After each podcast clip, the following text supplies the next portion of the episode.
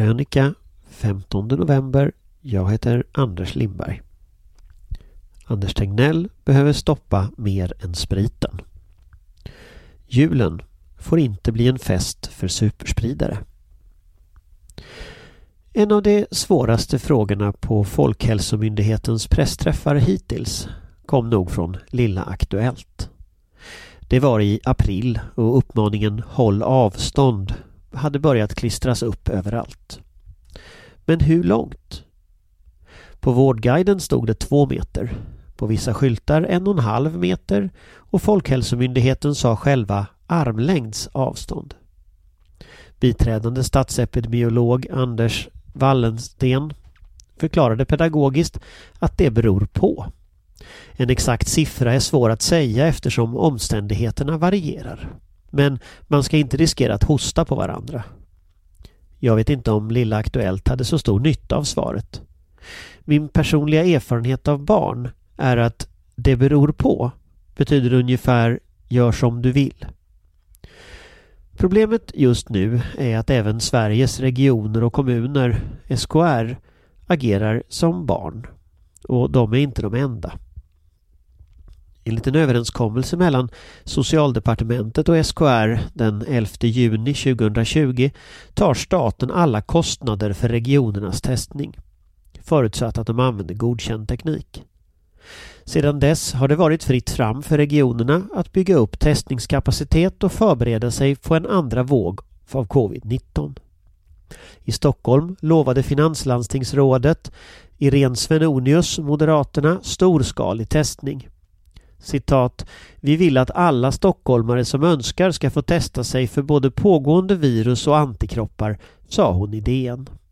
Man kan undra om Svenonius har sovit på mötena sedan dess. Någon storskalig testningskapacitet har i varje fall inte byggts upp. Och nu är det kaos igen. Fullständigt kaos. I Region Stockholms app Alltid öppet möts man av en röd ruta med varningen att hemtest inte går att beställa.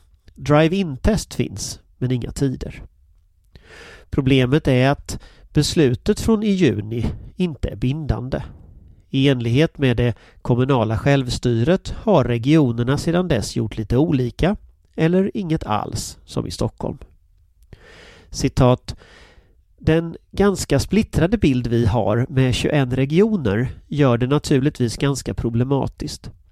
Det blir ganska snabbt kapacitetsbrist i ett sådant system kommenterade Folkhälsomyndighetens generaldirektör Johan Karlsson diplomatiskt till Sveriges Radio.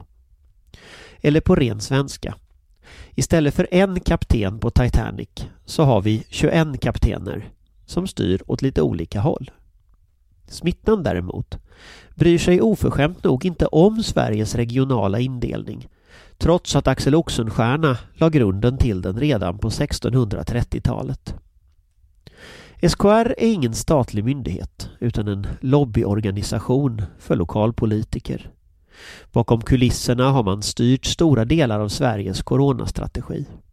Regionerna har ansvar för sjukvård, medicinsk kunskap och testning medan kommunerna styr äldreomsorgen.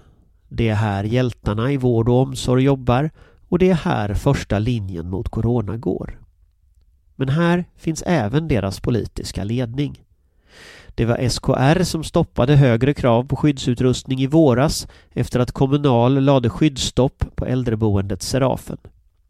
Trots över 6 000 döda verkar organisationens främsta mål vara att värna det kommunala självbestämmandet och skylla ifrån sig på regeringen.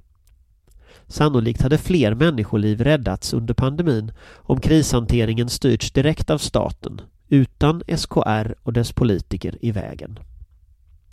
Och nu går alltså haveriet med testningen i repris. Men att ändra något bara för att det inte fungerar? Nej, så roligt ska vi inte ha det. SKR slår benhårt vakt om sitt inflytande, även nu. Citat SKR lyfter det behov som kommuner och regioner har, skriver organisationen på hemsidan om sin roll i pandemin. En lätt förskönande beskrivning. Kanske vi kan hoppas på att Coronakommissionen i efterhand tar tag i ansvarsfördelningen. Personligen tror jag inte det heller. Kommissionens sammansättning talar för att syftet snarast är att hitta en syndabock inför valet. En av de sju ledamöterna, Vesna Jovic, var dessutom VD för SKR fram till förra året.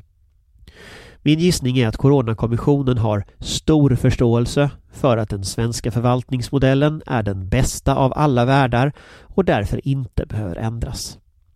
Tills vidare har regeringen de lagar, befogenheter och myndigheter den har och få göra det bästa av situationen. Men när detta är över behöver lapptäcket av särintressen sys om. I veckan kungjorde Stefan Löfven att alkoholförsäljningen ska begränsas till klockan 22. Folkhälsomyndigheten skärpte de allmänna råden i ytterligare ett antal regioner. Men det lär inte räcka. Smittspridningen ökar nästan hela Sverige och vi närmar oss snabbt läget i våras. Jag kan inget om epidemiologi utan litar på Folkhälsomyndigheten. Men jag kan ganska mycket om kommunikation. Och just nu hänger budskapen inte ihop. Det är en smula oklokt att öka från 50 till 300 personer på allmänna sammankomster och därefter sänka till 50 i en stor del av landet. Eller lätta på övriga restriktioner för att sedan skärpa dem i 17 av 21 regioner. Motstridiga signaler bör inte skickas samtidigt. Sorry, men det här måste faktiskt regeringen reda upp. Stefan Löfvens återkommande fokus på varje individs plikt och ansvar var och är viktigt. Ord spelar roll, särskilt nu. Och Anders Tegnell måste skruva upp tonläget kring det råd som redan finns och som vissa verkar tycka har blivit frivilliga. Dessutom behöver Sverige sannolikt återgå till en gemensam nationell standard, lättbegriplig och lika för alla. Det har fungerat bra förut. Om smittspridningen ökar som i våras kräver det samma tydlighet som i våras. Inte minst inför julhandeln, alla julbord och fester och de stora helgerna. Glädjens högtid får inte sluta som en fest för superspridare. Om detta inte sker, och sker snabbt, kommer kraven på nationell lockdown komma tillbaka som ett brev på posten. Och partipolitiska gräl är det sista Sverige behöver just nu. De allra flesta vill göra sin plikt. Det har vi sett många gånger under denna pandemi. Människor vill göra rätt. Men de behöver veta vad de ska göra.